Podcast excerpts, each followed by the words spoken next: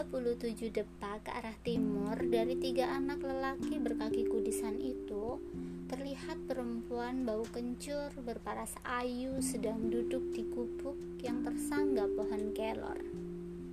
Matanya yang agak cekung dan beralis agak tebal menari-nari mengikuti gemulai padang savana yang diterpa angin. Rerumputan itu terus bergoyang kadang mengalun sendu, kadang meliuk-liuk, dan bahkan bercingkrak-cingkrak.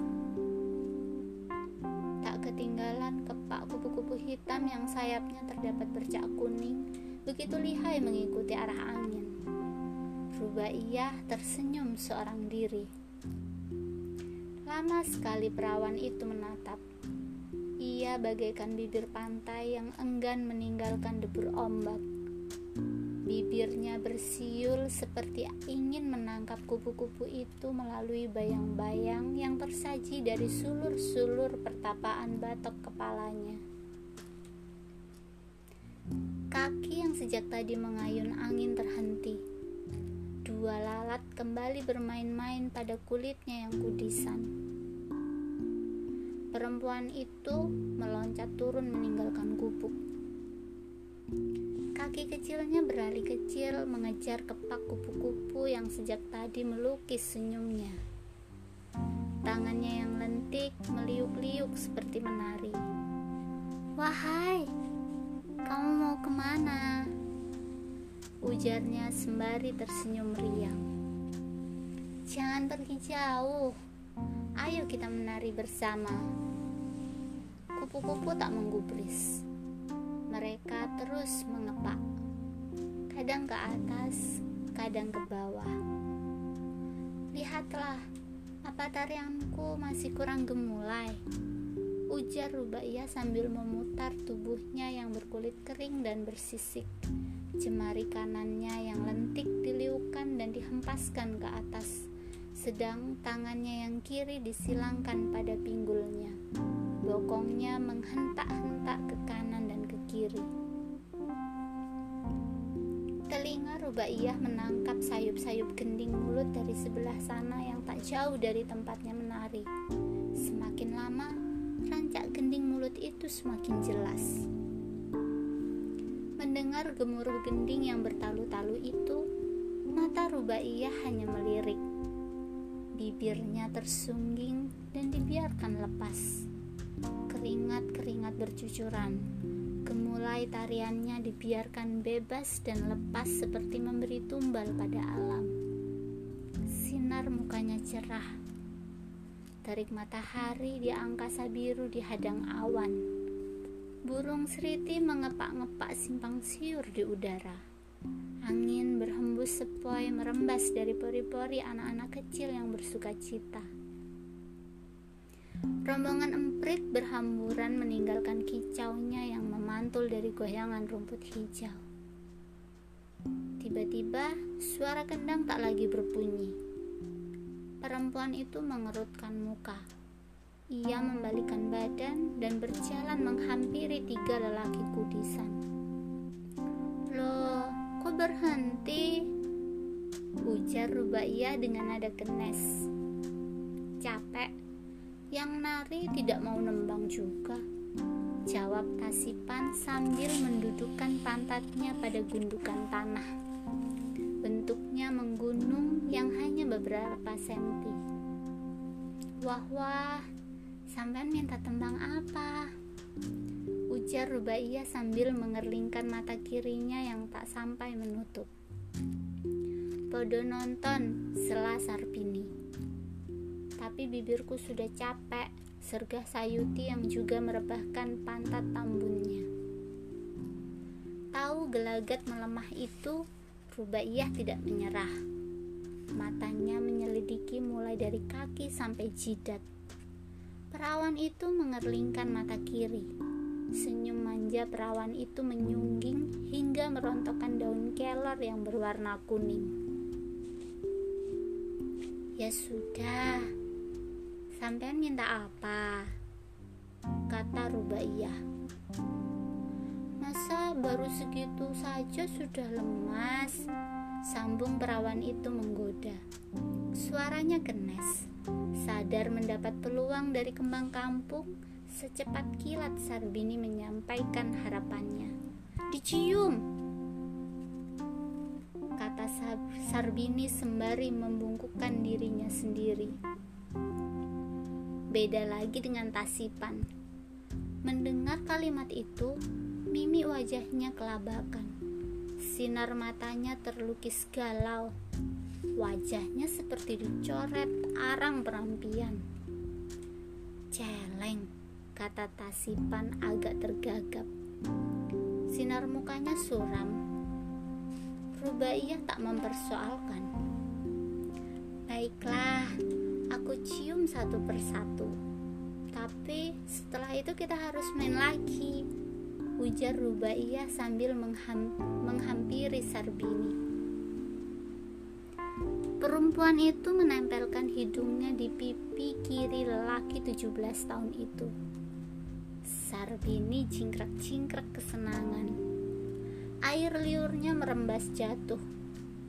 Rubaya bergeser. Ia melangkah menghampiri dua lelaki yang duduk berjongkok. Jantung Tasipan berdetak kencang. Pikirannya bergemuruh dan hendak menggapai masa lelapnya semalam. Lelaki 16 tahun itu ingin meringkuk pada mimpi-mimpi yang menghampirinya. Tak ketemu. Ia tak bermimpi. Jidat tasipan hanya terbasahi oleh peluh yang terkekeh-kekeh. Rubaiyah tepat berjongkok di hadapan dua lelaki yang selisih usia mereka terpaut bulan. Jantung tasipan semakin berdetak cepat matanya menatap tegang perempuan 14 tahun yang dengan santai menempelkan batang hidung mancungnya ke pipi Tambun Sayuti. Mendapat ciuman itu, Sayuti memejamkan matanya sambil meringis. Gigi-gigisnya terlihat dengan jelas. Hitam. Tapi itu bukan hal tabu lagi bagi kampung Kemiren. Bodoh dan miskin adalah kehidupan yang melekat Cukup tanah lendut untuk membersihkan sisa-sisa makanan. Itu pun kalau mandi.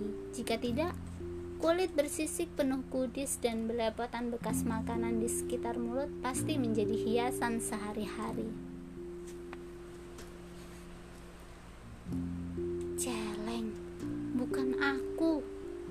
Ujar Tasipan dalam hati. Anak itu menggeleng membisu, matanya memejam, Nafasnya terhela, tapi belum selesai ia menghempaskan nafas, bibirnya seperti tersumbat oleh sesuatu yang lunak, basah dan hangat. Rasanya seperti singkong rebus kesukaan Adon. Tasipan membuka matanya. Lelaki itu terbelalak. Ia menangkap mata Rubaiyah sedang terpejam. Baiklah, Sampean semua sudah aku cium. Sekarang bagianku mendapat genting dari sampean. Ayo kita mulai podo nonton. Kang Tasipan mainkan kendang, Kang Sarbini kempul, dan Kang Sayuti mainkan kluncing. Ujar Rubaiyah kenes. Berhembus lembut. Suara pentet begitu nyaring dengan alunan merdunya tak mau kalah, jenggeret tiada henti terus bersuara lantang. Sesekali suara kambing terdengar ngembek-ngembek tak jauh dari anak-anak miskin dan bodoh yang bersenandung gemulai irama. Sebentar, kata Sarbini. Suaranya memekik hingga mewujudkan barisan semut yang hendak masuk ke dalam tanah. Ada apa? tanya Sayuti. Sarbini menatap perempuan yang tak jauh dari tempatnya. Rubaiyah telah mencium. Kita tunggu dulu. Apa setelah ini ia punya bayi? Ujar Sarbini. Rubaiyah dan Tasipan melongo. Sedang Sayuti mengangguk-angguk. Benar kata Adon. Semua orang yang habis mencium itu langsung punya bayi. Rubaiyah itu tidak seperti saya yang lahir ketika emak sedang berak, ujar Sayuti. Sarbini tersenyum girang. Kita tidak tahu Rubaiyah berasal dari mana. Mungkin ia jatuh dari paruh burung, kata lelaki itu. Rubaiyah hanya diam melongo. Tasipan menghela nafas. Baiklah, kita tunggu saja Apakah Rubaiyah nanti akan melahirkan bayi? Ujar Tasipan. Semua merebah berjajar. Lalat-lalat kembali bermain-main di atas kulit kudis. Anak-anak miskin dan bodoh itu menatap langit. Di sebelah sana ada setumpuk awan. Mungkin di dalamnya ada bertumpuk-tumpuk bayi yang mengantri untuk digendong paruh-paruh burung yang berputar-putar di bawahnya angin berhembus dan menabrak rerumputan berulang kali. Sudah cukup lama anak-anak miskin dan bodoh itu berdiam diri, tapi belum ada tanda-tanda bayi yang jatuh membentur tanah. Mereka harus menunggu bahkan melewati tujuh daun kuning yang tersapu angin dan jatuh. Setiap ada burung yang menukik, mereka berteriak-teriak, tapi tetap saja tidak ada bayi yang jatuh. Rubaiyah melenguh kesal. Perempuan itu berkata, "Sudahlah, ayo kita mulai lagi. Nanti jika sudah ada bayi jatuh, akan aku bagi satu persatu."